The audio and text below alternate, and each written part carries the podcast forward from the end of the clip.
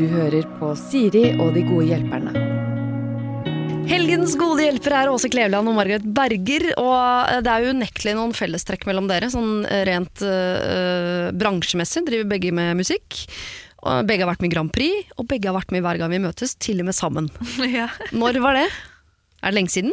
Er det noen år? Er det tre år? Ja, eller Ja, vi spilte inn i 2016, Ja. Ja, men så tror jeg det gikk på, på lufta, som man sier, i 2017.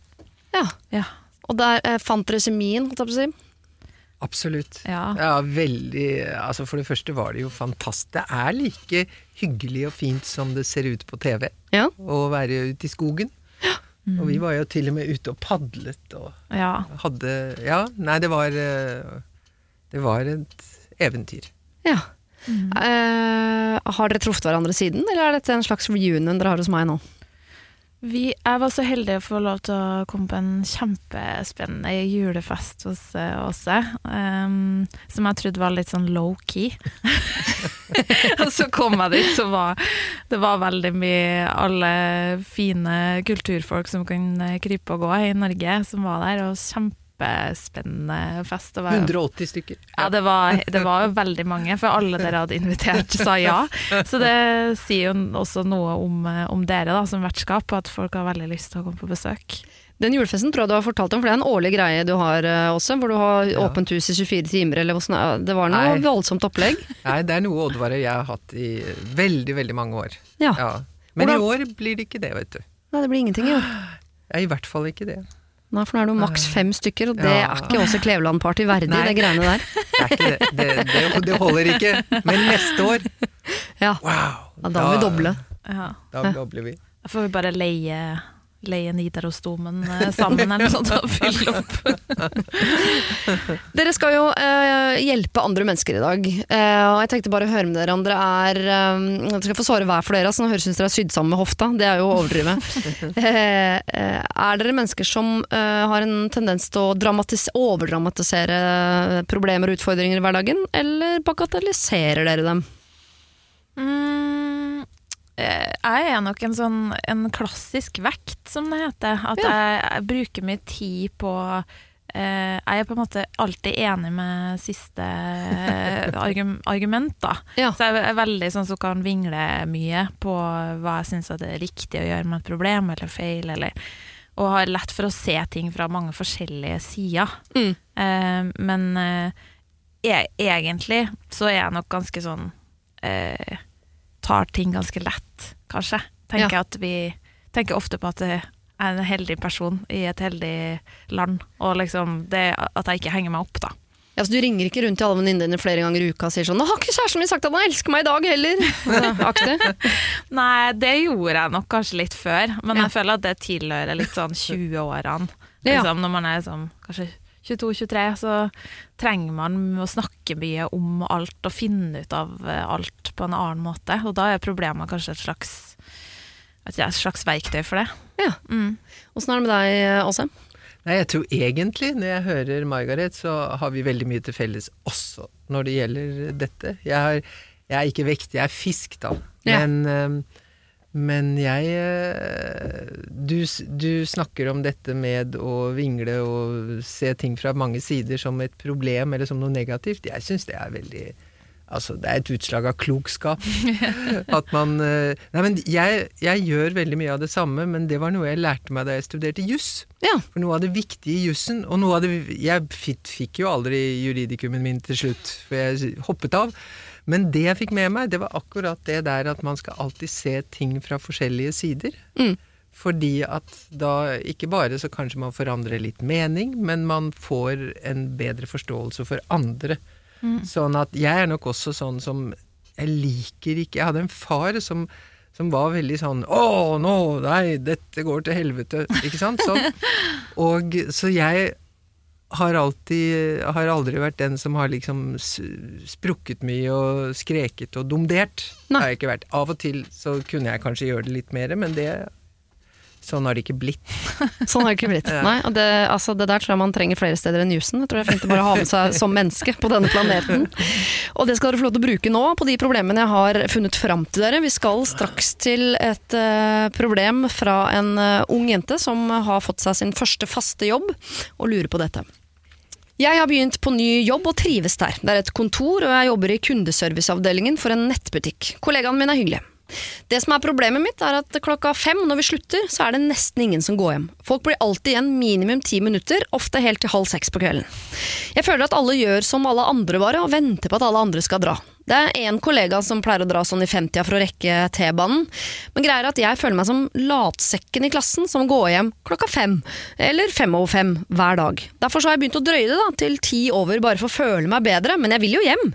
Selv om det er hyggelig på jobb, altså, så er det jo eh, aldri gøy å skulle jobbe ekstra hver eneste dag. Telefonlinjene stenger fem, så det vi jobber med da er kundeservice på mail etterpå. Jeg skjønner bare ikke hvorfor folk ikke drar hjem når jobbdagen er over. Reiseveien til jobben tar for meg ca. en time, og det er ganske stor forskjell på å komme hjem klokka seks eller halv sju for min del. Ofte da blir det ikke middag før i åtte-ni-tida hvis jeg skal handle og lage mat. Skal jeg fortsette å dra klokka fem når dagen egentlig er ferdig, eller skal jeg jobbe et kvarter ekstra hver dag for å være flink pike og gjøre som alle andre? Det er litt vanskelig, synes jeg, fordi jeg er ny og jeg vil jo ikke gi et dårlig inntrykk. Eh, takk hvis dere svarer på dette rare problemet. Kan meg klokkekari, 24 år og nyutdanna i jobben. Uh, ja. Hva tenker dere om det? Skal hun være flink pike og gjøre som alle andre, bli et kvarter ekstra? Uh, jeg må le litt fordi jeg jobber også på et kontor. Ja. Og jeg har, jeg har, tidvis hatt litt det samme problemet. At det, det er liksom en, en, gjeng som er glad i å være sammen. Det er veldig mye sosialt og sånn på min jobb, da. Mm. Eh, og jeg kjenner meg veldig igjen i problemstillinga, spesielt når man er ny. At det er Altså Jeg kunne jo ha sagt noe at jeg kan ikke bare gå og snakke litt med sjefen og si, høre om det er greit at du går når du vil, at du mm. går klokka fem. Men, men, det er noen ting med at man akkurat har begynt, så vil man egentlig eh, gi inntrykk av at man er den ivrigste. Mm. Um, jeg hadde skjønt det hvis det var sånn at uh, hun ofte ville gå fem minutter før. Men ja. altså, hun, hun, gjør jo jobben sin. Jeg tror ikke hun, hun må ikke snakke med sjefen for å spørre om det er greit om hun går hjem når jobbdagen er over. Det må jo på en måte og vi bruker jo mye tid på jobb i det livet her, på en måte. Mm. Det, ja. og middag og hverdagsliv og alt det der er viktig, det også. Men uh, jeg, som, uh, jeg, har ikke helt bestemt meg ennå hva jeg syns du skal gjøre. Men, Nei, for har, løst, har du løst ditt eget problem? Eller er det sånn at vi nå også egentlig eh, hjelper deg på mange måter? Ja, men mitt problem henger også litt sammen med at det er utrolig mye sånn quiz og kake og sånn oh, ja. hele tida. Og så føler jeg at vi, vi, drøyer arbeidsdagen mye lenger enn den trenger å være. Skjønner. Ja. Hva ville du gjort, uh, Åse? Nei, jeg, nå har jeg tror, sånn som alltid har vært veldig lenge på jobben, men det har, ikke, det, det har ikke vært så mye quiz og kake der hvor jeg jobbet. Det er jo en stund siden, så det er vel kanskje Det hadde ikke bredd om seg. Men det hadde vært veldig spennende å høre om Klokkekari hadde liksom spurt noen litt forsiktig om dette, eller sagt 'hvordan er det', hva er det liksom som gjelder? Mm. Man kan jo risikere at man holder på liksom eh, nesten spiller et spill mm. fordi man ikke vil dumme seg ut eller virke, virke lat. Mm. Eh, og i virkeligheten så er det helt greit at man eh, hadde gått ja. Eksempel mm. ti minutter over, eller hva som helst. For det er jo det, hvis, hvis, man, hvis, man, ikke snakker om dette, mm. så, så, blir det jo Så kan det bli en sånn litt guffen ting som gjør at uh, ikke jobben er så morsom som man og, og, interessant som den ellers skulle kunne vært. Ja. Mm. Ja, jeg har nesten tenkt motsatt. Da. Ikke, um, fordi hvis dette her gjøres om til noe som klokkekaret liksom lager et stort nummer ut av, mm. snakker med sjefen, snakker med kollegaene, dette er noe som skal snakkes om Det, det kan hende de andre ikke har lagt merke til det engang, men at hvis hun skal gjøre et nummer ut av det, så blir det litt sånn Så, så gjør hun det større enn det er, for hun, hun gjør jo ikke noe gærent. Hun går hjem når og de sitter jo igjen for å svare på mail. Jeg hadde skjønt det nesten mer hvis det var quiz og kaker og alle de andre hygget seg, men hun var sånn vet du hva, jeg skal hjem. Mm. Da kan man jo virke litt sånn surpomp. Mm.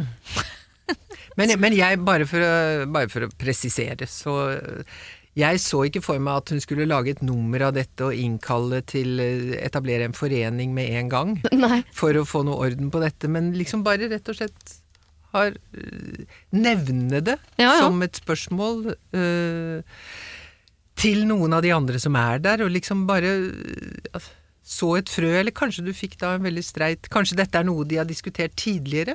Sånn at det finnes For veldig mange steder så finnes det uskrevne regler, og det er noe av det mest Noe av det vanskeligste, fordi at man Hvis man da ikke kjenner dem, Mm. så kan, man, kan det føles litt guffent. Det kan jo hende at noen av disse kollegene også ikke har det så hyggelig som det høres ut som klokkekari har hjemme. Da. Så de trenger unnskyldninger for å bli igjen. Mm. Så kanskje hun, selv om du virka som du er litt skeptisk til quiz og kaker, Margaret, kanskje hun rett og slett skulle sagt sånn Vet du hva, på onsdag skulle vi tatt quiz og kaker etter jobben, bare for å vise at hun på en måte Ja. Det er ikke det at jeg ikke vil være sammen med dere, at jeg skyr arbeidsplassen som pesten. Mm. Og i, mens de spiser kaker og quizer, kunne hun sagt sånn dere sitter alltid så lenge etter jobb, hvorfor det? Eller altså, gjort om til bare en sånn, en sånn skravlegreie, liksom. Mm. Kanskje. Ja. Jeg har en, eh, en metode til som Ja. går an å For å ikke virke som latsabben, da, for det er jo det hun er litt redd for. Mm. Det går an å Man har jo lunsj, og så kan en lunsj vare lenge eller kort. Mhm. Det hun kunne ha gjort, er liksom å gjort lunsjen sin litt kortere, da, og liksom skyndte seg tilbake til pulten og virke veldig ivrig på å komme i gang med jobb og si liksom sånn Å, har så mye å gjøre, jeg, må bare, jeg har så lyst til å Og så må jeg rekke noen ting, eller altså jeg skal At hun på en måte lager, lager litt sånn her effektiv, eh, stressa karakter, da, i en liten periode av seg sjøl, så de skjønner at det handler faktisk ikke om å være arbeidssky, eller at du ja, hater jobben sin, men at hun bare liksom det, hun, hun er gira på å liksom ha jobben på et visst tidspunkt av dagen da, og bli ferdig. Ja. ja. Ja, for Hun må bare huske at hun gjør ikke noe gærent her. Hun Nei. går hjem fra jobben når jobben er ferdig, og det Helt. må jo være greit. Men, Ja. men jobben, hvis folk sitter og holder på med forskjellige lister Altså, det er jo jobb. Ja. Sånn at øh, Da er de jo ikke ferdig. altså da det, det er noen ting med å øh, Det er nok igjen dette at det, er, det virker veldig uklart alt Ja. sammen hva, hva som egentlig gjelder på dette stedet. Og man kan jo godt ha regler uten at man dermed skal holde på å bli prinsipprytter Mm. til enhver tid, altså. ja, Sånn så kan du høre med sjefen. Hva er det som er forventningene her? For jeg registrerer Ja. at de andre alltid blir lenger, men er det også forventet Ja. av meg? Mm. I så fall så vil jeg gjerne heller komme tidligere, fordi da slipper jeg å? At man, Hun kunne lagt opp til en sånn dialog med sjefen, Mm. men jeg tenker at dette er nok større i hennes hode enn det er på Jeg tror ikke de andre på arbeidsplassen driver, kaller henne for klokkekari og driver følger med på Jaså, gå fra jobben når det er ferdig i dag òg? Ja ja. Så jeg tror dette problemet er litt mindre der ute, ute på arbeidsplassen enn den er inni hennes hode. Ja. Så eh, dra i gang en quiz, eller gå litt bare opp for deg som en sånn effektiv figur. og snakk litt med sjefen om hva som er forventningen på arbeidsplassen. Ja. Vi skal over i eh, kjærlighetens eh, verden. En som lurer på om hun skal bli, eller om hun skal dra. Kjære Siri og de gode hjelperne. Jeg og kjæresten min har vært sammen i to år. Dere kan kalle meg for Mari, og han for Ola. Eh, Jeg og Ola er begge 20 år. Vi ble sammen i tredje klasse på videregående. Jeg var stormforelsket og ble så lykkelig som jeg aldri har vært når vi til slutt, etter mye tull fram og tilbake, ble et par. Etter sommeren flytta jeg for å studere i en annen by, mens han ble hjemme. Dette gikk veldig fint i starten, men etter noen måneder merka jeg at dette ble vanskelig. Jeg sa til meg selv at dersom det ikke ender opp med at vi bor i samme by neste år, så kan det ikke være oss. Nå, et år senere, bor vi fortsatt i forskjellige byer, og det ser ikke ut til at det kommer til å endre seg med det første. Men det største problemet her er vel egentlig at jeg ikke har spesielt behov for å ha han i samme by lenger. De siste månedene har jeg følt på at jeg egentlig ikke savner han så mye. I starten tenkte jeg at det bare var fordi at jeg har blitt vant til å være borte fra han, men jeg merker at det ikke er eh, de samme følelsene fra min side lenger. Jeg syns dette er skikkelig vanskelig, i og med at han er min beste venn, og jeg er selvfølgelig veldig glad i han. Selv om det er ganske tydelig hva som burde skje her, så sliter jeg med tanken på at jeg skal bli redd for å angre. Og jeg føler ofte at jeg, jeg hører dette 'gresset er ikke grønnere på den andre siden' osv. Og, og vi har det veldig hyggelig og morsomt sammen, så jeg føler meg veldig trygg sammen med han. Likevel mister jeg gnisten av å tenke på at jeg skal være med han resten av livet. Men man kan jo ikke være forelsket hele tiden heller, er det bare det jeg går og føler på? Han gjør alt for meg, og jeg føler jeg har ingenting å klage på. Jeg føler meg så helt lost. Skal jeg bli og ha et komfortabelt liv, vi har det jo fint sammen, eller skal jeg øh, gjøre det slutt og gå altså da øh, videre? Jeg tror det vil komme som et sjokk for han dersom jeg plutselig slår opp. Hjelp! Hilsen lost jente. Ja, nei, men øh, Det er nesten det mest Det som er mest dårlig gjort, det er om man ikke liksom lar det sive ut litt som gjør at han skjønner at det er vennskap det dreier seg om. Mm. Det er ikke kjærlighet. Altså Jeg vil jo si, som har levd et langt liv, at hvis man er, for det første er det helt naturlig å gå fra hverandre når man er 20 år. Mm. Hvis man møtte hverandre når man var 18. Da må man bare ta med seg de to årene, og så må man ha det som en skikkelig liten sånn karamell Mm. å suge på. Og hvis man får med seg en venn på toppen, hvis, det går, hvis det, den andre er med på det, Mm. så er jo det strålende. Men det er Altså, jeg tror veldig på det der at man har en periode i livet hvor man lærer seg ting, man tester ut, og hvor det er, som sagt, naturlig at ikke det man det, Ikke den første kjærligheten ble jeg holdt på å si den siste. Mhm. Selv om det høres jo veldig sånn romantisk ut, at man blir, finner kjærligheten allerede sånn Jeg har en onkel og en tante som ble sammen da de var 17 år, og de Ja. er fortsatt sånn Jeg ser når de går sånn, så leier de fortsatt en dag i dag. tenker jeg sånn. Det er jo noe man romantiserer, men det er jo ikke eh, for alle. Faktisk nesten ikke for noen. Men uh, hva tenker du, Margaret? Synes du det skal hun holde ut og se om det kan være de to? Jeg tenker først og fremst at uh, livet er ganske langt, og at eh, det er veldig fint å, å prøve litt forskjellige ting.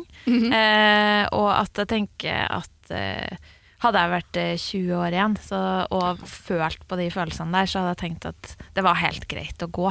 Det er liksom, som du sier også, det er helt normalt Mm. at et forhold varer i to år fra videregående over i studietida. Um, samtidig så er, det, det hun, hun legger fram her, er jo veldig ofte dem, det valget man tar mange ganger i løpet av livet. Det er sånn gress er gresset grønne på andre sida. Um, og, og følelser går opp og ned, og det vil de gjøre i lange forhold. Det vil de gjøre i 20-årene, det vil de gjøre i 30-årene, 40-årene, 50-årene, tror jeg, da. Mm. Jeg tror um, det er litt sånn at man veksler litt på å ha de sterkeste følelsene for hverandre. Så det kan også være at hvis hun bestemmer seg for å bli, da, Mm. eh, hvis det er det hun går for, at, at det vil blomstre opp igjen. Men det som er litt alarmerende her, er jo at de har et avstandsforhold. Hadde det Mm. vært et helt vanlig forhold, så kunne jeg si at de er kanskje bare litt lei av hverandre, kanskje du skal gå ut og være litt sammen med venner og få litt avstand. Men de har jo nettopp avstand. Mm. Og hvis du ikke savner avstandskjæresten din, Ja. så, ha, så kan det hende at liksom døra i hjertet ditt har egentlig lukka seg litt over tid. Um, uh, rett og slett. Det, for det skjer jo at man liksom kan være stormforelska, så bare fisler det over på en måte av at man ikke har fått holdt det varmt eller fått bygd nye minner. Eller. Ja. Så magefølelsen min her sier at det kanskje er, det er på tide å gå. Men, men hvis hun hvis hun blir, så er ikke, det er ikke utenkelig at gnisten også kan komme tilbake. Hun, jeg tenker, hun sier at hun er redd for å angre. Det kommer hun også til å gjøre på et eller annet tidspunkt. Fordi man romantiserer jo den store første kjærligheten. Ikke sant? Og det var jo ikke noe her som var gærent, egentlig. Det bare gikk litt over.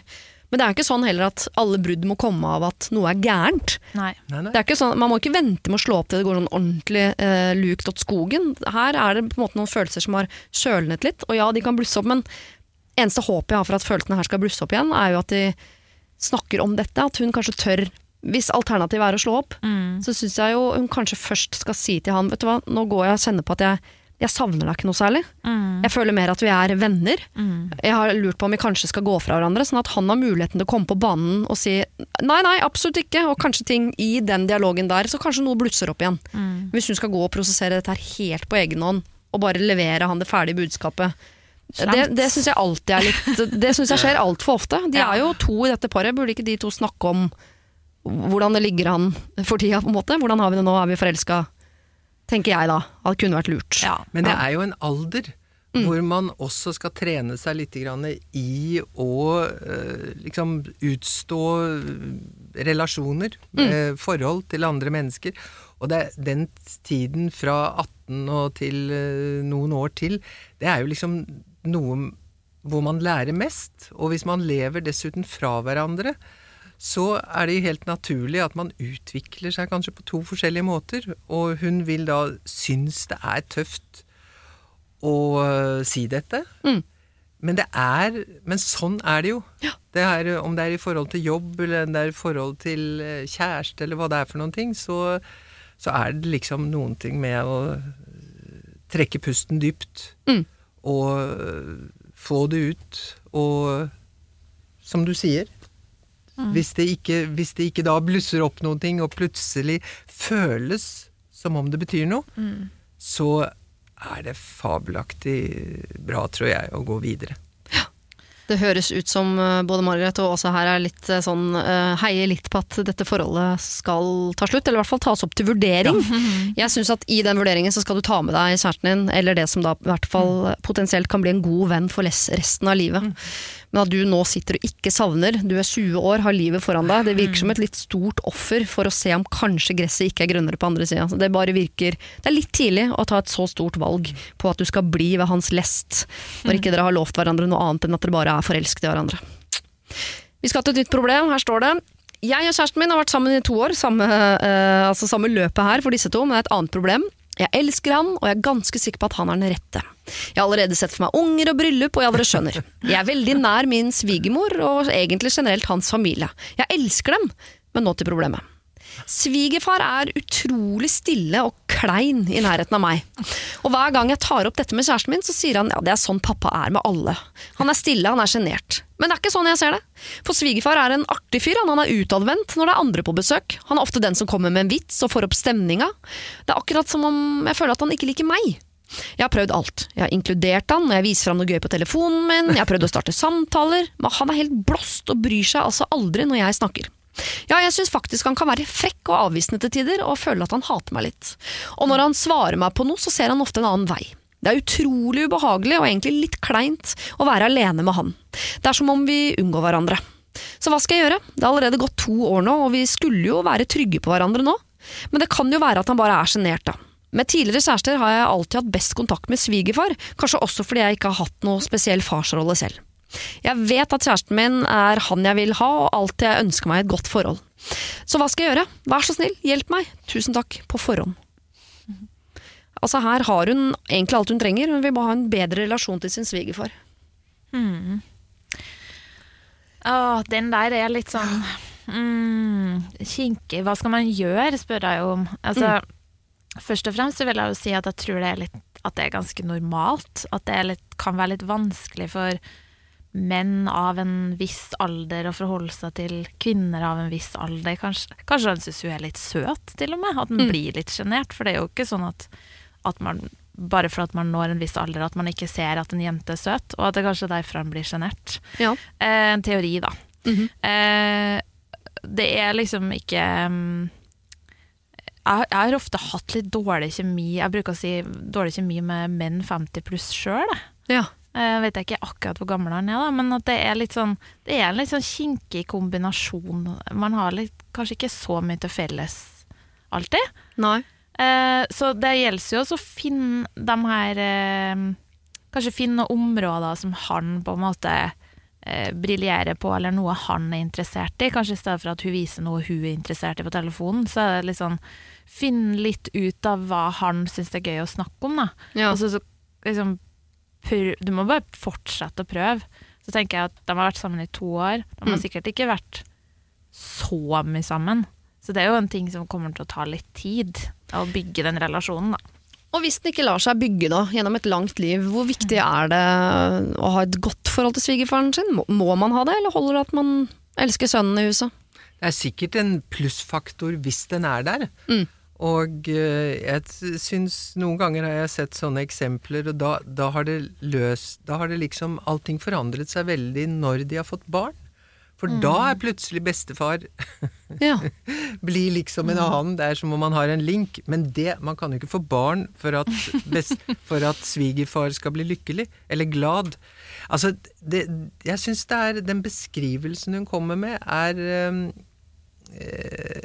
er liksom ganske tøff innimellom, når hun sier at eh, når hun snakker til han, så snur han seg bort og sånt. Det kan man jo veldig godt skjønne at det er Det er en avvisning. At det er en avvisning. På den annen side så skal hun jo ikke gifte seg med svigerfar.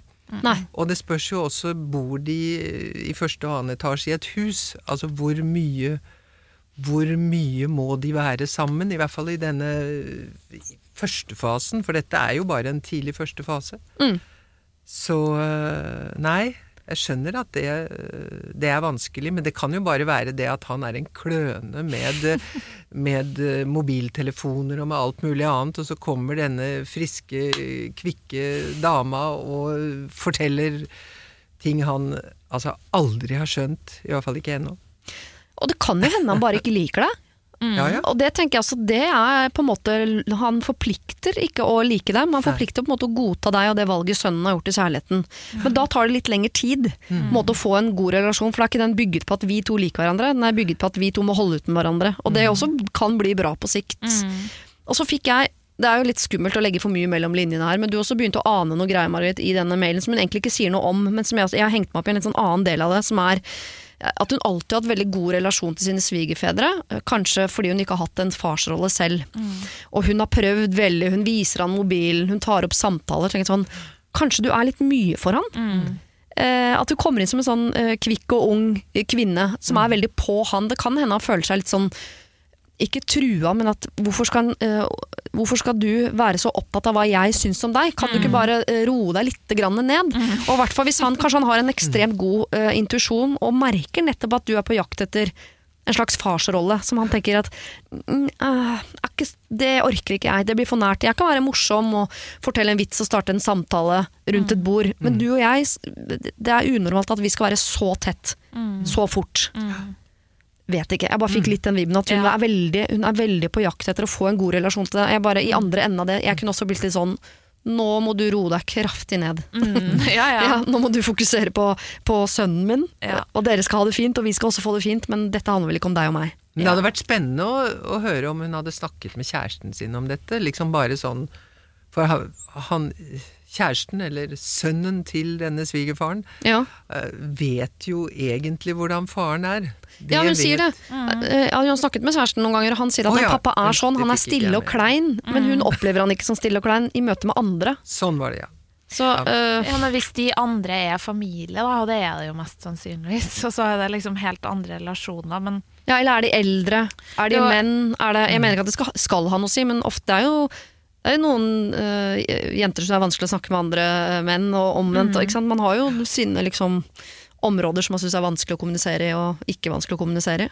jeg tenker jo at, at det går an å appellere litt mer til sønnen her. At Ja. det går an å si at liksom Kanskje de kan, de tre kan finne på noe alene sammen, så kan han være en slags oversetter eller en Altså Man må på en måte av og til liksom tvinges litt inn i de relasjonene òg, som er ikke så naturlig. Altså Jeg har veldig god sånn Altså Jeg har hatt perioder i livet mitt der jeg ikke har gått overens med en eh, svigerforelder så godt, liksom. Og, og da har det ofte vært liksom sånn skogstur eller båttur eller Altså gjøre et eller annet på den forelderen sine premisser, da, der de kan få lov til å liksom være litt sjef. Mm. Uh, og ha med liksom, partneren din. For da, de, de har jo far-sønn-relasjon, så det hadde vært veldig rart hvis han eh, avvisende i en sånn situasjon. Så, og da vil det, om det er tilfellet, så vil kanskje sønnen se, se det litt mer og forstå litt mer. For jeg, jeg syns kanskje at, at han har litt ansvar i det, da, han sønnen. Ja, absolutt. Ja. Være brobygger der, ja. Ja, ja. så vi må legge litt mer ansvar over på han, og så tror jeg jeg ville ha backa litt av, som du sier. Det er litt, det høres ut som det er litt overivrig.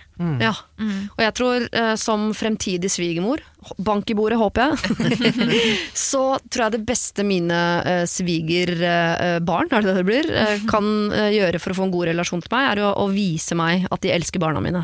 Ja. Så jeg tror på en måte min svigerdatter, hvis jeg ser at hun er god for sønnen min, så kommer jeg, jeg til å elske henne, selv om ikke nødvendigvis vi er en naturlig god match. Så jeg tenker, hvis, hun, hvis du fokuserer litt mer på han typen din, ikke så mye på faren hans, mm. så tror jeg han på sikt, om ikke nødvendigvis elsker deg sånn hardt, så må han i hvert fall godta eh, at du er der, og den særligheten du har til sønnen hans. Men så er det altså to år de har vært sammen. Det er ikke mye. Nei. Står det noe sted hvor gamle de er? Nei, men de har vært Nei. sammen i to år, og så har hun også hatt noen andre svigerfedre, så hun er nok liksom gått opp i 20-åra, tenker jeg. Ja. Ja. Mm. Så det kommer også til, ting kommer til å, å ordne seg på sikt. Ja. Er jeg Ja, ganske hvis, sikker på. hvis det holder, altså hvis forholdet til kjæresten holder, Ja. så tror jeg at dette ordner seg. Ja. Men det, det gjelder å ikke gi dette en for stor plass. Ja. Mm. Og gjøre for mye ut av det, fordi at da blir det et problem. Og Ja. da kommer det også kunne være med å forsure forholdet til kjæresten. Man skal ikke glemme bort at foreldre er viktige i ens liv. Sånn at det, det er liksom bare Man ikke bare, bare kan la det uh, La han være, Ja. som du sa omtrent, en stund, og ikke liksom måtte, måtte bli så eh, energisk i tilnærmelsene.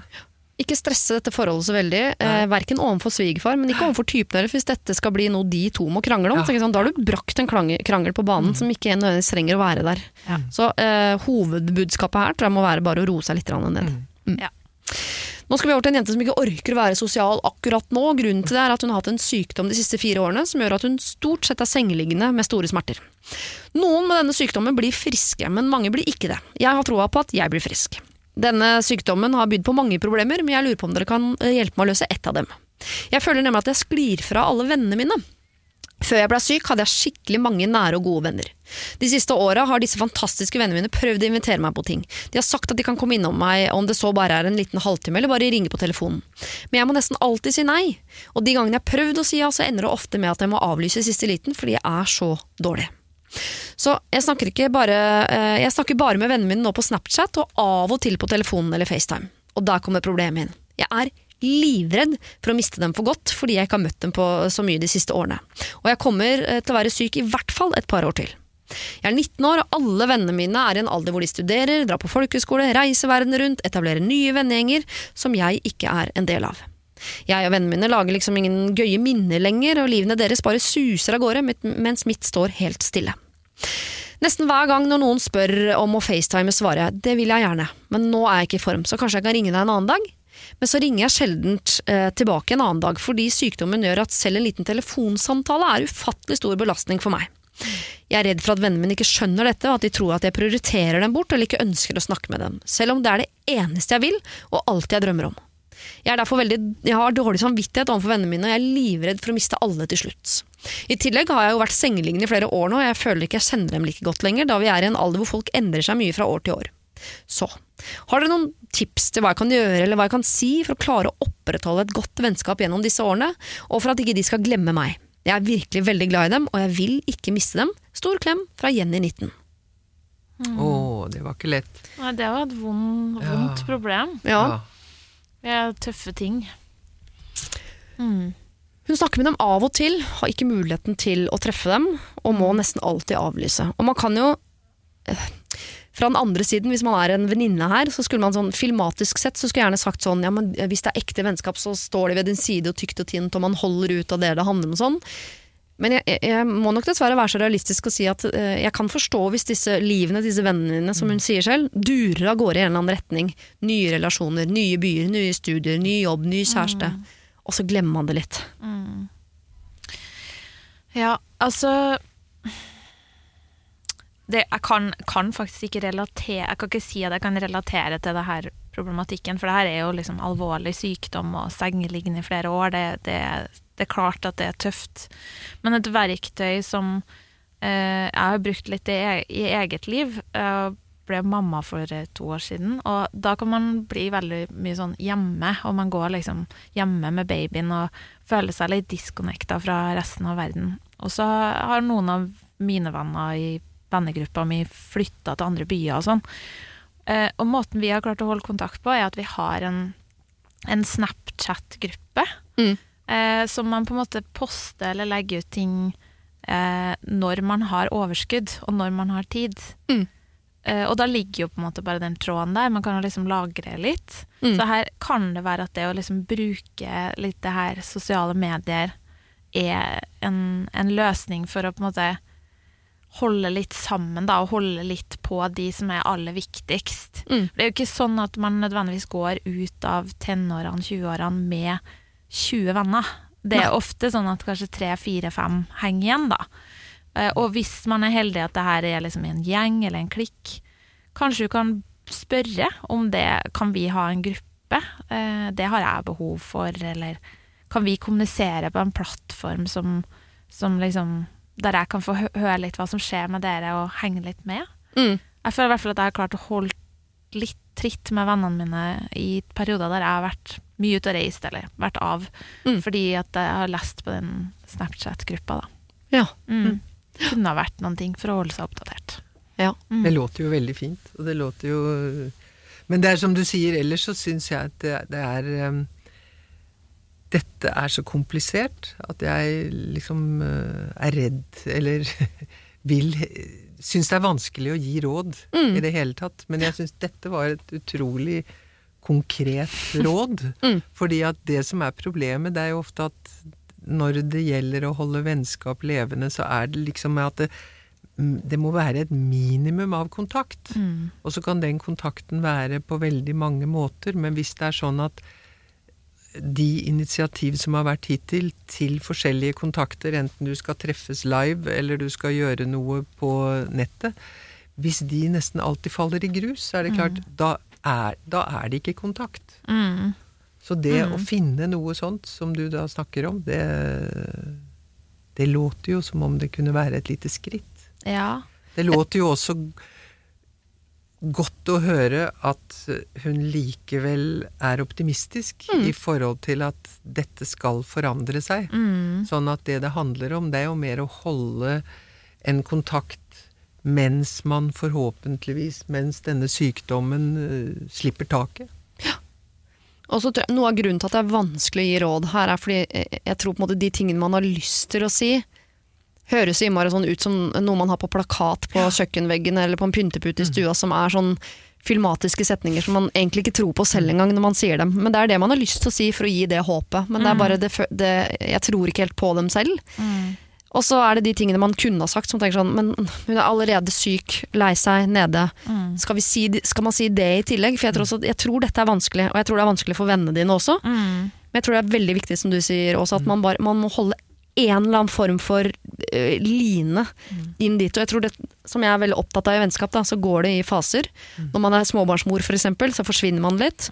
Eh, og det er mange faser i livet hvor du og vennene dine er på forskjellige stadier. Men hvis man er så kategorisk at man på en måte slutter å være venner fordi man er på forskjellige stadier i livet, så blir det vanskelig å hekte seg på igjen. Så jeg tenker sånn, den Snapchat-gruppa, eller at du Bestem deg for at en gang i året så sender du øh, brev, da, julekort. Kanskje mammaen din kan skrive det for deg. hvor dere, dere kan begynne allerede liksom nå. Kan du skrive noen setninger i ny og ne som til sammen blir et brev du sender ut. Hvor du forklarer nettopp det. 'Jeg har lyst, jeg orker ikke'. Men så da om et år, to, tre, når du orker å hekte deg på igjen, så har du noe du kan ta tak i. Istedenfor at du må liksom eh, ta kontakt med noen du ikke har gitt livstegn til på, mm. på mange år. Da tror jeg bare den jobben er mye vanskeligere, selv om jeg tror det også går an. da. Jeg tror det går an å bare nå tenke at nå, nå- har jeg ikke plass til vennskap i livet mitt, men en eller annen dag har jeg det, og da kommer jeg til å ringe. Men jeg syns det var en veldig viktig påminnelse det du kom med også, at for jeg, jeg syns jo av og til at det, det går helt over stokk og sten, dette med at noen har 230 venner her og der, og altså dette med vennskap, Mm. som etter hvert har blitt eh, Altså hvis du ikke har så og så mange venner her og der, så er du et mislykket menneske. Mm. Sånn, sånn er det jo ikke. Nei. Altså I forhold til hennes situasjon så blir det helt uh, håpløst å sammenligne med meg selv, men jeg har i livet hatt Fordi vi flyttet så ofte. Vi Mm. flyttet, eh, jeg flyttet seks ganger før jeg var 16 år. Og det gjør at jeg har eh, Jeg har blitt god til å tilpasse meg nye mm. mennesker og nye miljøer. Men jeg har jo egentlig ingen venner fra den tiden. Jeg har et par Mm. som jeg har litt grann, eh, kontakt med. Men det er viktig å huske at eh, har du en eller to, som du sier, så er det viktig, men det er også mulig. Man trenger ikke å ha venner gjennom hele livet kontinuerlig for å ha et vennskap som på livsbasis. Det er også noen ting med den situasjonen når, hun, når man kommer opp, Mm. som hun jobber med nå, øh, at øh, Å fremdeles tro på, ikke miste troen Mm. underveis, på at uh, det er klart, når jeg blir frisk, så vil også dette bli bedre. Mm. Og da kan det hende det er lettere for henne også å koble seg på noen som er på samme stadie i livet som, Ja. som du er når du er ferdig. Fordi da må jo du begynne å studere eksempel. Hvis, og uh, treffer folk på studiet som er i samme studieforløp som deg, enn de som kanskje er ferdige og har begynt på, på en nytt, ny fase i livet. Så jeg tror nok, og de aller fleste mennesker har jo nære relasjoner som de nettopp har møtt i studietiden. I barseltiden. Sant? Jeg tror det er ganske få forunt som har de, der, de 16 kjempegode venninnene fra håndballen i andre klasse. Det er noen av de, alltid vært litt misunnelig på det, men Ja, det, er, det er ikke det vanligste liksom, innen vennskapsrelasjoner. da. Nei. Så de kan man jo treffe etter hvert. Men kanskje bare for å liksom holde hjula litt i gang for seg selv også. Det må jo finnes forum der man kan uh, ha kontakt med andre som har lignende situasjoner, som kanskje er lettere å snakke med om. For det er noe med å hekte seg på bare sånn, Hvis det er eh, venner du ikke har snakket med på veldig lenge, og de har vært på 100 fester, og du har sittet hjemme og amma, da, for eksempel, så er det vanskelig å ha en samtale, fordi vi man er på forskjellige planeter. Å ja. Jeg, hvis- Kanskje hun kan finne noen forum på nett hvor hun kan snakke med andre som er syke. Selv om det Man kan sikkert bli lei av å snakke om det også, men i hvert fall som har en større forståelse for hva du går gjennom. Holde liksom livslinja ut til de du er mest glad i av venninnene dine, og så hekte seg på igjen når man er ferdig. Ja, tenker kan, jeg. Og bygge, kanskje, kanskje bygge relasjoner med noen andre som det finnes mange som ligger eh, i senga med ME også over hele Norges land, og Mm. helt sikkert noen på hennes egen alder som har mye til felles med. Og da trenger man ikke nødvendigvis bare å snakke om, om ME og sykdom heller, Nei, men nei. at det kan være noen som du på en måte Ja, som eh, man kan si når en dag er oppe eller en dag er nede, eller Men jeg ville, jeg ville kanskje også ha mobilisert noe krefter, for det kan være vanskelig med det der FaceTime og sånn når man er syk, da. Mm. Men mobilisert noen krefter til å kommunisere til en liten gruppe av de aller viktigste. Mm. Eh, at jeg, dere betyr noen ting for meg. Jeg vil ha dere i livet mitt. Mm. Kan vi gjøre det sånn? For det er det jeg får til nå. Mm. Fordi det er også sånn når man har andre folk i 19 år, så trenger de også å bli sett. Og, så, og hvis man prøver og prøver og prøver og føler seg avvist, selv om det andre mennesket er sykt, så, så er det liksom Det er viktig å kommunisere, da. At, at de er viktige for deg. Ja. Tror jeg. Kanskje du kan bli den flinkeste gjengen til å lytte og si sånn jeg leser det dere skriver når jeg orker. Ja, det er ikke alltid ikke jeg orker å svare, men vite at jeg, jeg leser og jeg forstår det, og jeg tenker på dere. Mm. Og så tror jeg det er viktig å ikke love for mye også, for hvis hun er en som later som, for hun gjerne vil Ja, jeg vil være med, det klarer jeg, det kommer jeg til å orke, og som hun alltid avlyses. Det er Mm. bedre å si sånn antageligvis ikke. Nei. I to år nå så er jeg, kommer jeg sannsynligvis til å være litt off, men Ja. jeg vil sende dere hjerter, og jeg vil, jeg vil høre hvordan dere har det uansett. Ja. Mm. Åh, Jeg håper du blir frisk, eh, Jenny, at ikke det tar for lang tid. Jeg håper du klarer å, å bevare noen av relasjonene, selv om det kommer til å føles litt sånn fjernt, vil jeg tro, i de årene. Se om du kan finne noen nye relasjoner som er på samme sted i livet som deg nå, og vite at på andre siden så er det sånn at du kan ta kontakt med de gamle vennene dine igjen. Og så er det også sånn at du kommer til å få masse nye venner gjennom livet som er på samme stadiet som deg hele veien. Har du problemer selv, send dem inn til siri at radionorge.no. Hei dere. Litt forhistorie først. Jeg var i et seriøst forhold i tre år, helt til jeg ble gravid og dumpet. Så nå lever jeg livet med min ett år gamle sønn som jeg har alene. Og jeg elsker livet mitt sånn som det er nå, og jeg ville ikke gjort noe annerledes. Så til problemet. Jeg ønsker å møte nye folk i håp om å finne den store kjærligheten, men jeg vet ikke helt hvordan jeg skal gjøre det. For det første, hvordan møter jeg nye folk?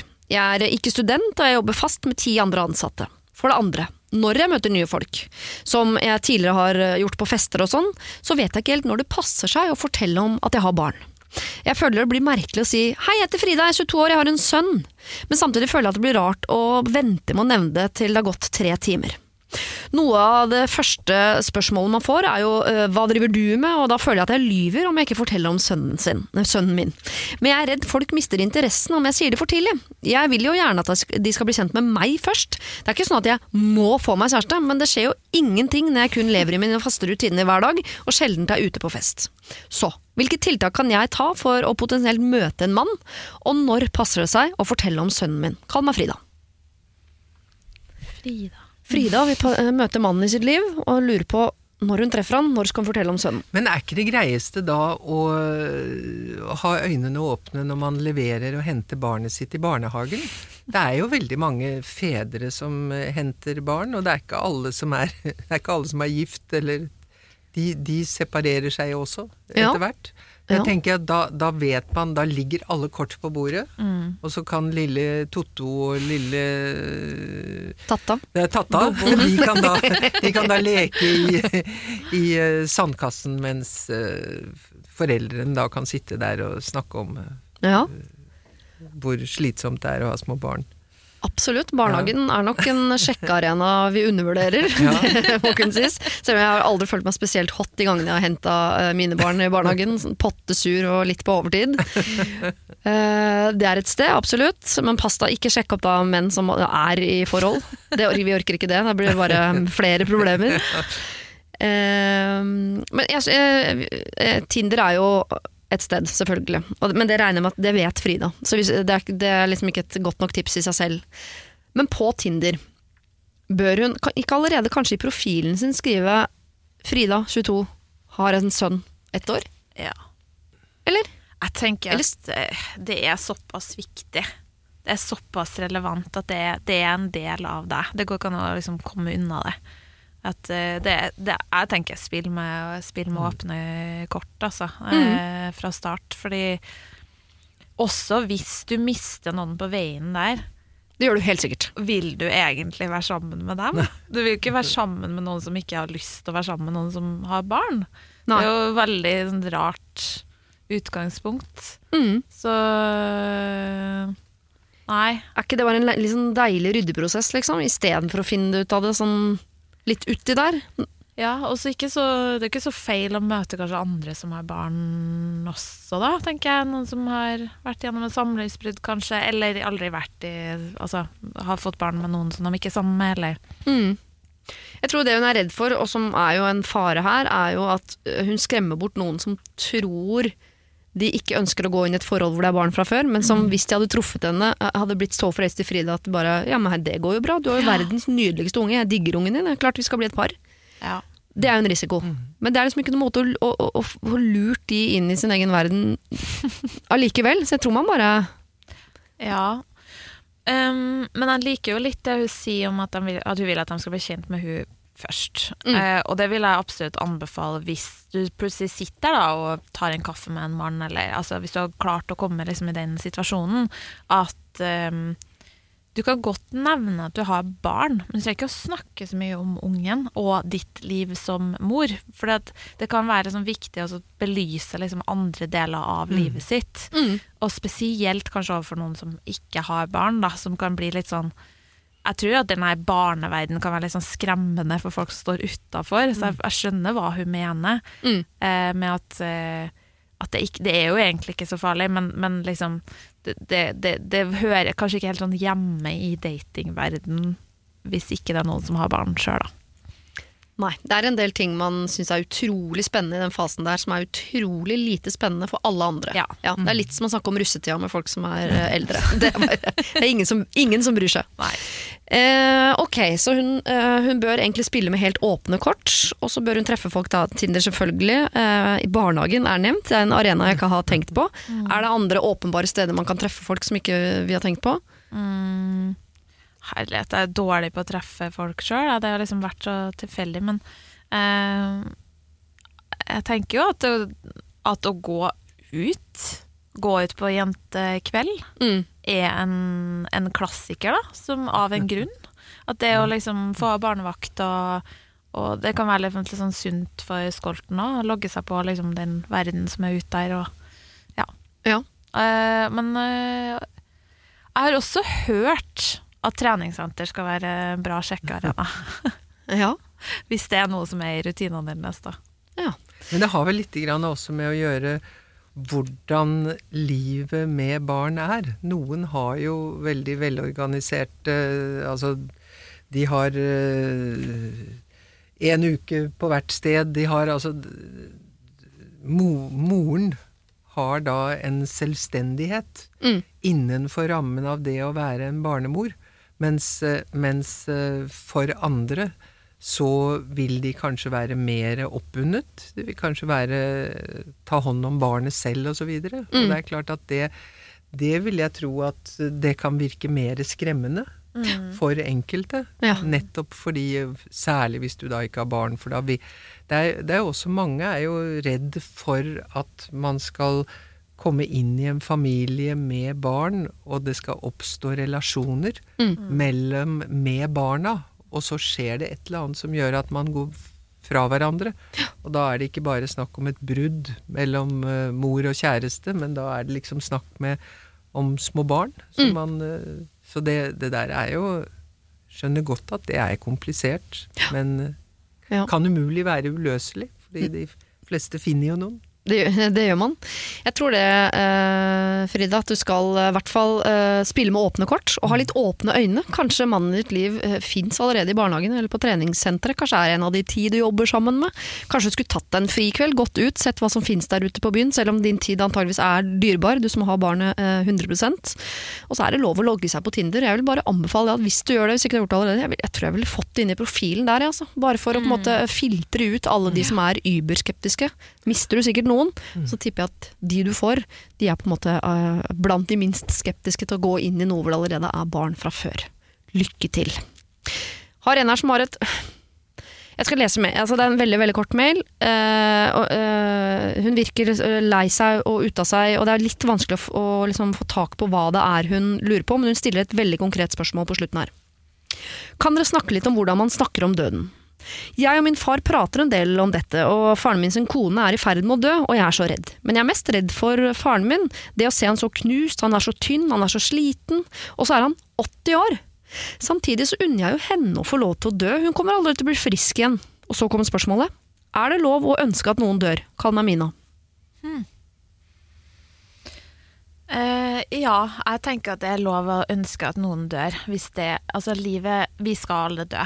Sånn er det. Og i Vesten så forholder vi oss veldig lite til døden. Mm. Men, men er det én ting vi vet for sikkert, så er det det at den kommer.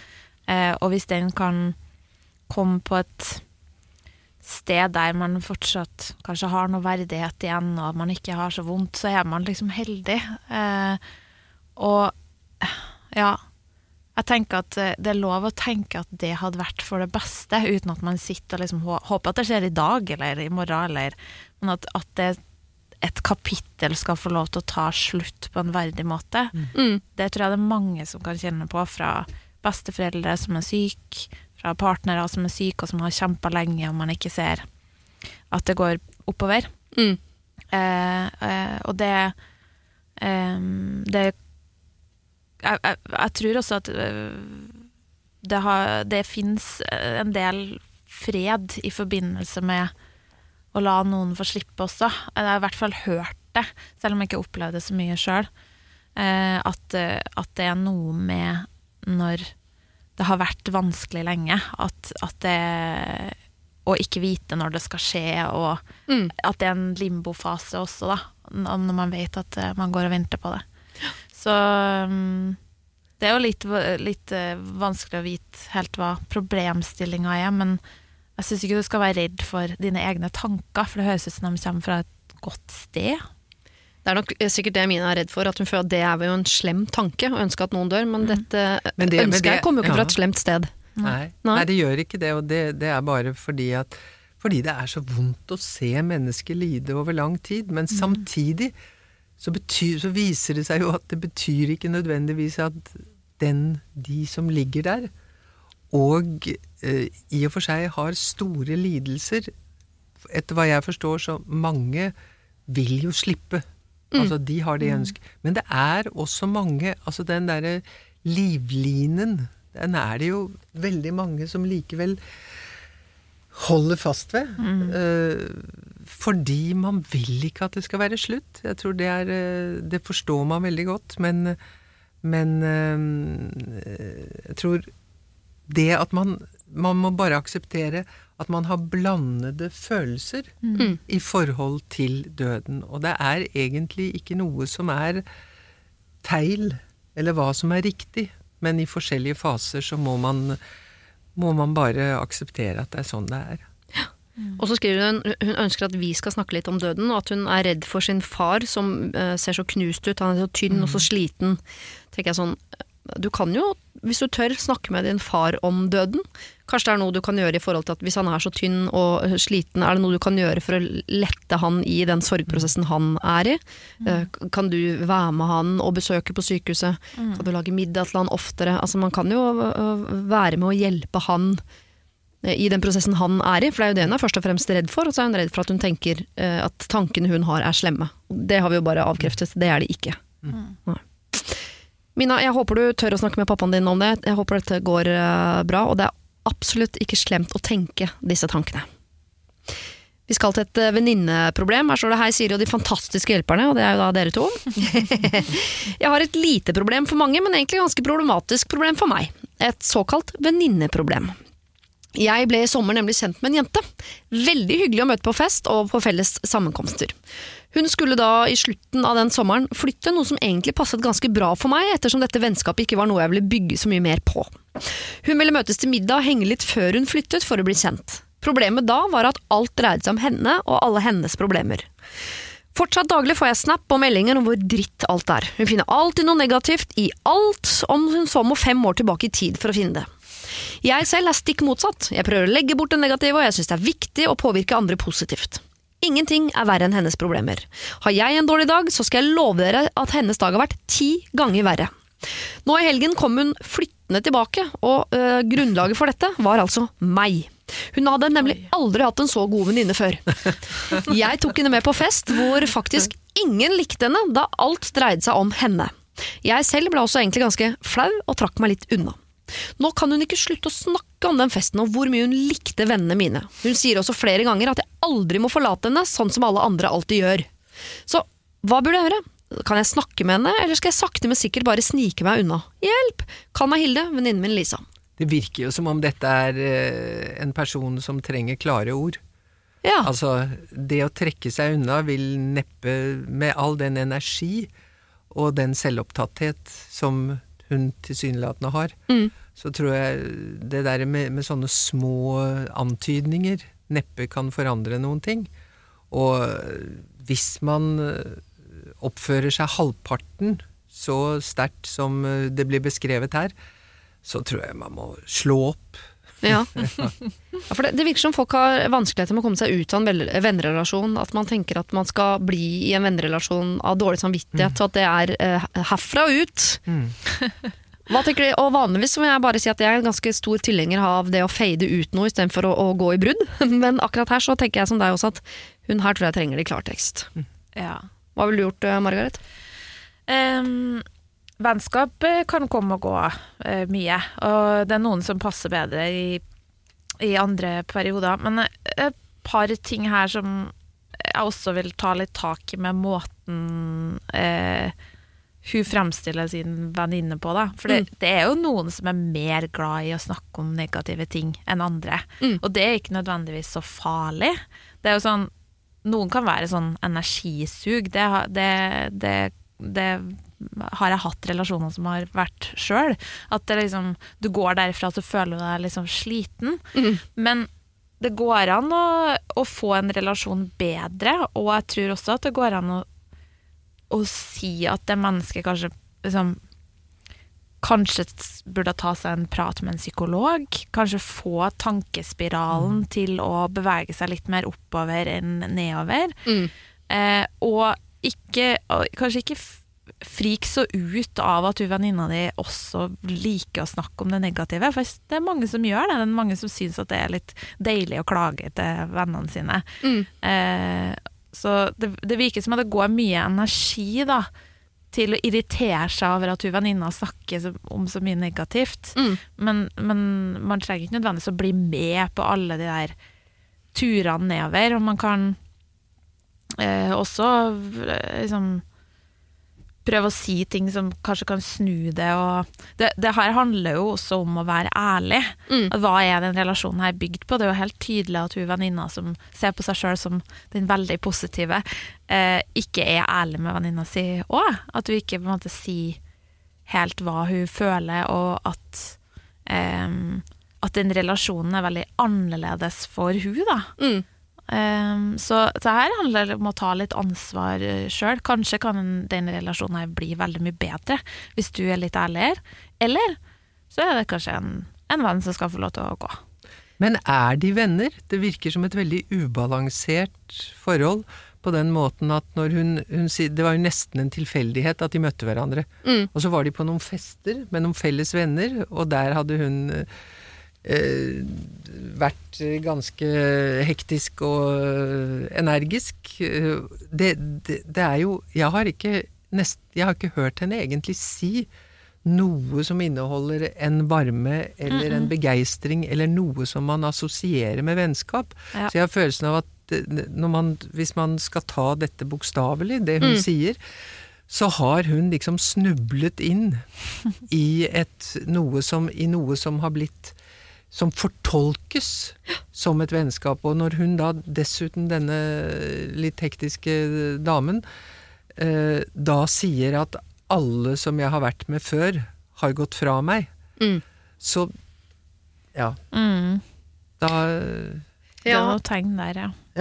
Og det er jo noe rart med Her har man nærmest snublet inn i en relasjon man nesten ikke har fått med seg, før eh, den andre i relasjonen har deg som sin beste venninne. Og det skjønner jeg at kan føles som om du nærmest har snubla inn på glattcelle, og du finner ikke nøkkelen, kommer ikke ut. Um, samtidig så får jeg litt vondt av denne Lisa som, øh, som er Det virker som hun prøver altså så hardt å bli likt, fordi hun hele tiden selger seg inn. Prater om seg, seg, seg. Mm. Går på fest med masse nye mennesker. Prøver å selge seg inn. Hva med meg, meg, meg? meg? Altså Hun kaver og strever så mye, antageligvis i jakten på å få en god vennerelasjon, noe det høres ut som hun aldri har hatt. Blir alltid forlatt, og er veldig intens. Og det tenker Jeg sånn, jeg skjønner at folk forlater henne, og jeg, jeg sier ikke at ikke Hilde skal få lov til det, fordi, eh, fordi hun har jo ramla inn i den relasjonen. Hadde de vært venner i, i seks år, og så syns Hilde at Lisa har blitt slitsom, så ville jeg nok i større grad ha sagt kan du hjelpe Lisa eh, med å bli et menneske som flere orker på sikt? Fordi Lisa har jo et problem med å få seg venner. ja. Og det blir ikke noe bedre av at Hilde også dumper Lisa. Han kommer til å bli enda mer desperat i, i, i den neste relasjonen hun, hun hopper inn i, på en måte. Og jeg sier ikke at det er Hilde sin jobb å fikse Lisa, men hvis man har overskudd til det, å kunne ta en samtale som er sikkert helt forferdelig, både for Hilde, men i hvert fall for Lisa, og prøve å forklare Lisa hva som skjer når hun gang på gang blir dumpa, for nå har jo Hilde har lyst til å gjøre det samme. Jeg har også lyst til å dumpe deg som venn nå, fordi, og dette har sikkert skjedd alle de andre gangene du har blitt dumpa, fordi du oppleves på denne måten. Kan du roe deg ned, eller kan du slutte å snakke bare om deg selv? Kan du prøve å se positivt på verden innimellom? For Lisa sitter sikkert og lurer på hvorfor er det ingen som elsker meg? Prøv så godt jeg kan. Men jeg vet at det er mye å be om. Altså. Jeg, bare, jeg har litt lyst til å redde Lisa, og foreløpig er det bare Hilde som er min, min arm inn til Lisa. Ja, og det en gui- jeg tror at det kan være en guidance der ikke sant, som skal gjøres. Og jeg syns at eh, Jeg tror at det er veldig mange som har stått i denne problemstillinga før. Jeg, tror det er veldig mange som feider ut og forsvinner. Og, men eh, vær litt modig, da. Ha litt empati eh, for en person som ikke får til livet helt. Kanskje er det en psykolog eller en noe med kognitiv eh, terapi og noen noe begrep som skal inn eh, og hjelpe denne personen til å, til å se hvordan man kan bli bedre likt. For ofte så handler det jo mye om å være litt nysgjerrig på andre mennesker. Og Ja. stille litt spørsmål. Og hvis du får god trening i det, så er det også det du har lyst til å gjøre etter hvert, for du får jo vite så mye gøy. For jeg tipper Lisa går rundt og tenker at uh, verden er forferdelig, at hun da tilfeldigvis bare møter det ene slemme mennesket etter det andre som bare kjeppjager henne av gårde, og hun prøver bare så godt hun kan. Jeg tror ikke Lisa ser seg selv utenfra i det hele tatt. Nei. Og selv om det er vanskelig og egentlig ikke Hildes oppgave å nødvendigvis gjøre, men hadde du giddet, liksom? Ja. Jeg har litt lyst til å be om det. Ja, men jeg har lyst til å understreke at jeg, det, det viktigste er jo først å snakke, og, Ja. men å si hvordan det er. Ikke pakke det inn, og ikke, for det, det er det jeg mente at det, jeg tror det må veldig klare ord til. Ja. Hvis man skal på en måte erkjenne eh, ja, hvordan man oppleves av Mm. andre. Ja, det tror jeg også. Akkurat som du sier også. Det, Mhm. Ikke pakke inn dette. Ha en ganske sånn- en vond samtale med Lisa, Mm. som hun kommer til å ta med seg hjem, tygge litt på, og kanskje komme bedre ut av på andre siden. Enten i relasjon til Hilde, eller et nytt vennskap et annet sted. Mm. Ah, Jeg har bare ikke lyst til at hun skal øh, nok en gang være det mennesket som jager en sånn våt bikkje ut i skogen. Som må, altså, Det blir bare verre og verre. ja, det blir verre og verre. Mm. Hmm. Hvis du orker, Hilde. Fint om du kan gjøre det. Men vi, vi skjønner at du, som alle andre, også har lyst til å bare slippe dette. Og det har du lov til, på mange måter. Vi skal inn i et nytt drama. Orker vi? Ja. Ja, det er. Ja, det er et drama til jeg er litt Ja, samme menneske. Dette kan være mail to om Lisa. Eh, men nå er det søsteren som, søsteren som spør. Hei, folkens. Jeg har et klassisk problem som kanskje er litt i overkant med tanke på drama. Problemet er nemlig at søsteren min alltid skal skape drama. Vi har hatt gode perioder, men det er alltid slik at noen får gjennomgå av henne. Likevel er det slik at hun får medhold av vår mor i alt som blir sagt og gjort, uansett hvordan hun oppfører seg, uansett hvor feil hun tar, og mye av dette er kun fordi hun er favoritten til mamma, eh, og fordi hun har gitt min mor mange barnebarn. Det er ikke bare jeg som syns dette, altså. Min bror syns dette, og hans samboer syns også dette, og min samboer. Uansett så eh, har vi ikke noe vi skulle ha sagt i denne saken, eh, og det har eh, nylig vært enda en krangel der min søster begynte å anklage meg for å være frekk, samt at jeg visstnok hater et av hennes barn, noe som selvsagt er vrangforestillinger fra hennes side. Det ene har nå ført til det andre, vi er ikke på talefot per i dag, og det har blitt så ille at hun nå ikke skal komme i dåpen til mitt barn. Og jeg har sagt til min mann at om dette er tilfellet, ja da bryter jeg all kontakt med henne for en lang periode. Jeg har sagt, kan vi ikke legge dette bak oss? Bli venner. Jeg har også sagt at vi eh, begge har sagt ting, eh, men at det får bli med det, og at vi heller skal bevege oss fremover. Problemet er nok i lengden at det alltid vil komme usaklige krangler, absurde beskyldninger og hatefulle ytringer vår vei. Men vi vet aldri hvem det rammer. Jeg har ikke råd til at dette skal være en del av min hverdag lenger, men min, men min mann mener at vi bare må stå i det og komme overens uansett. Ille var det før, da var det bare meg og min mann det gikk utover, eh, men nå er vi da altså tre. Og jeg lurer på, hva ville dere gjort i mitt sted?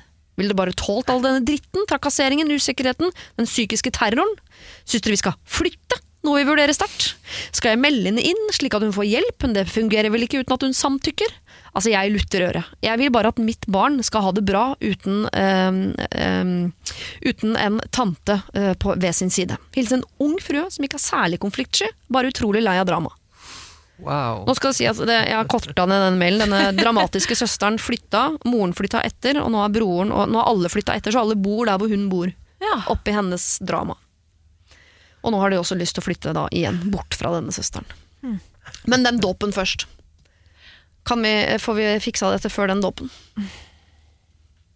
Skal man svelge, Hvor mye kameler skal man svelge i, i en familierelasjon? Ja, og så vil du Vi har jo dumpa, vi har jo dumpa både kjærester og venner og alt mulig eh, Ja. før i dag. Så skal vi også nå dumpe en søster. Oi, oi, oi. Ja, det har du rett i. Ja. Um, Vi har vært litt strenge i dag. Vi har bedt både kjærester og venner og alt ryke og reise. Nå er det altså sistemann ut, en søster. Men folk må jo oppføre seg ordentlig. Ja. Altså Det er liksom noen ting med det at det virker jo det, Nå er det jo sånn at alle sånne beskrivelser vi får her, de er skrevet av den ene siden, så av og til tenker jeg at kan det være, kan det være mulig? Altså Denne søsteren har nok sin versjon. Det, det føler jeg meg trygg på. Så, eh, men jeg har ingen grunn til å tvile på det som blir sagt, men man blir jo litt matt. Mm. Så jeg er godt Jeg skjønner godt at hun har skrevet til oss. Ja. Ja, Og derfor Margaret her. Hun er utrolig god på akkurat sånn som dette. Vær så god, Margaret. Så- jeg har, har jo søstre, da. eh, Så jeg, eh, det, det, det ja, Ok. Familie er noe som jeg har erfart gjennom å prate med veldig mange mennesker om det. Familie er vanskelig. Ja. Og spesielt eh, ofte kjernefamilien, som da skal løses opp på en måte, og bli mange andre små kjernefamilier. Og, og det kan være vanskelig i de overgangene der. Jeg syns det er litt merkelig at hele familien har flytta etter den dramatiske søstera, hvis hun er så fæl Mm. som det sies her. Det er liksom- Dramatiske mennesker er jo også ofte ganske karismatiske mennesker. Så de har en tendens til å få ting til å skje rundt seg. på en Ja. måte. Ja. Nei, altså Altså, altså jeg var jo frista til å si at de bør flytte. jeg må innrømme det. At jeg tenker at det Men det, det jo ikke, kommer jo ikke noe mer i dåpen av den grunn. Nei. Eh, fader, da. Det var vanskelig, det her. Det er det er jo noen, noen ting med at vi, man må svelge kameler med familie. Sånn er det. Man kan ikke hele tida komme overens. Man er ikke nødvendigvis beste venner, men man ønsker da kanskje liksom å holde relasjonene for alles del. Og det, det har litt høyere terskel for å kutte bånd i familie enn med venner, tenker jeg. Mm. Um, uh, og livet går i faser, uh, så man kan også komme inn i en god fase uh, med sånne relasjoner òg.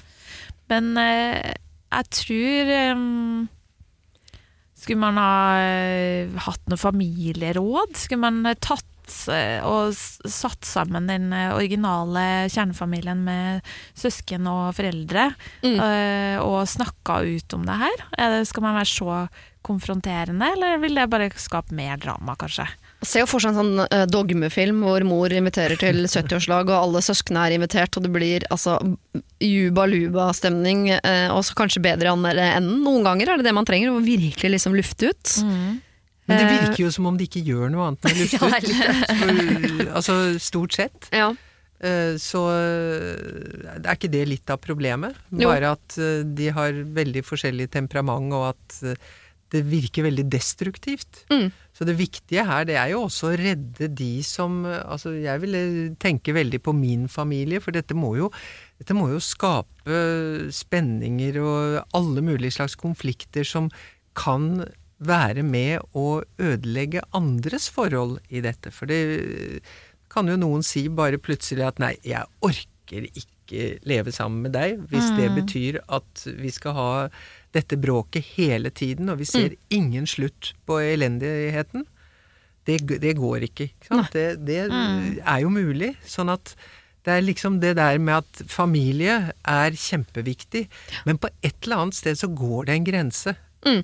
Og når folk da har etablert sin egen familie eller nye relasjoner, så er det noen ting med at det er veldig mye verdt. Man er ikke bundet til masten altså fordi man er i, i eh, er i familie. Nei. Jeg, jeg, altså jeg vet hva jeg ville gjort i denne sammenhengen. For jeg er også, som deg også, altså, veldig opptatt av å bevare min lille kjernefamilie. Denne familien har jeg skapt, dette er det viktigste for meg. Og skyr drama som pesten. Og jeg tenker at Hun foreslår jo at de skal flytte. Jeg tenker sånn, Det kan dere på en måte gjøre, men ikke eh, fysisk. Men dere kan flytte litt mentalt. Man kan faktisk velge å flytte ut av andres drama. Og, eh, ikke liksom gå inn i andres dramatikk til enhver tid. Ok, søsteren sier at 'jeg kommer ikke i dåpen'. Nei vel, søsteren kommer ikke i dåpen. Ikke lag en nummer ut av det. Fortsett da neste gang. Konfirmasjon. Konfirmasjon. er en stund til. Inviter, men ikke lag noe nummer ut av det. Altså, jeg, ville bare, jeg ville flyttet søsteren min ut i, fra indre ring og tenkt sånn Du er søsteren min, men du er, ikke helt, du er ikke i min innerste ring, for der orker jeg ikke å ha deg, for det er du for mye til. Jeg flytter deg ut i ring fem, seks, sju. Uti der kan du bare holde på med dramaet ditt. Jeg, jeg orker ikke, jeg biter ikke på, du får holde på. Jeg kommer ikke til å gå bort til deg, høre på dramaet ditt, bli med i det, gi det næring. De tingene der. Du får stå ute i, i luftegården der og glefse og holde på som du vil. Og så sender jeg en invitasjon i ny og ne til det som måtte være av sånne typiske familiære ting. Og så får du dukke opp hvis du dukker opp. Jeg bryr meg egentlig ikke. Jeg har flytta ut av dramatikken din. Ja. Dritbra råd. Ja, det likte jeg. Veldig bra. Jeg går ikke der, for det her høres ut som hun engasjerer seg hver gang. 'Å nei, nå er søsteren min dramatisk igjen'. Og så hopper hun inn i det, diskuterer det med mannen sin, broren sin, irriterer seg. Da er du jo med i dramaet. Ja. Flytt ut. Ja. Åh, hun igjen. Sånn hun holder på. Ja ja. Hva blir det til middag i dag? Drama! Ja, jeg er helt enig. Det var et veldig godt råd. Hvis man klarer. Ja. Ja. Man, man får jo ikke bort familie, på en måte, men man kan jo holde de litt på avstand. Det Men, men, trenger ikke alle følelser trenger ikke, man som kommer i, flyvende inn i hodet ditt, trenger du heller ikke agere på. Ok, nå, nå kom den irriterende følelsen igjen, og det var se på den og liksom oppleve den, og så bare Det har jeg bestemt meg for at jeg skal la gå, så da bare gjør jeg det. Ja, det tror jeg må være en, en eh, slags eh, aktivitet som du skal drive med nå framover. Konfliktsky, eh, ikke konfliktsky, men lei av drama. Flytt ut av det dramaet, på en måte. Bare la det fly. La henne holde på der borte. Mm. Jeg tror vi klarte det, folkens. Ja, jeg tror vi har redda noen folk i løpet av dagen i dag. La oss håpe det. ja. Tusen takk, Margaret, og også for at dere vil være mine gode hjelpere. Og ha en øh, fin høst. Er vi inne i vinteren nå, eller åssen er det? Ja. Vi er usikre alle mann. Ha en fin senhøst og god vinter. Takk, det samme. Det var det. Husk å sende ditt problem til siri at radionorge.no om du vil ha hjelp. Denne podkasten er produsert av Rubicon for Bauer.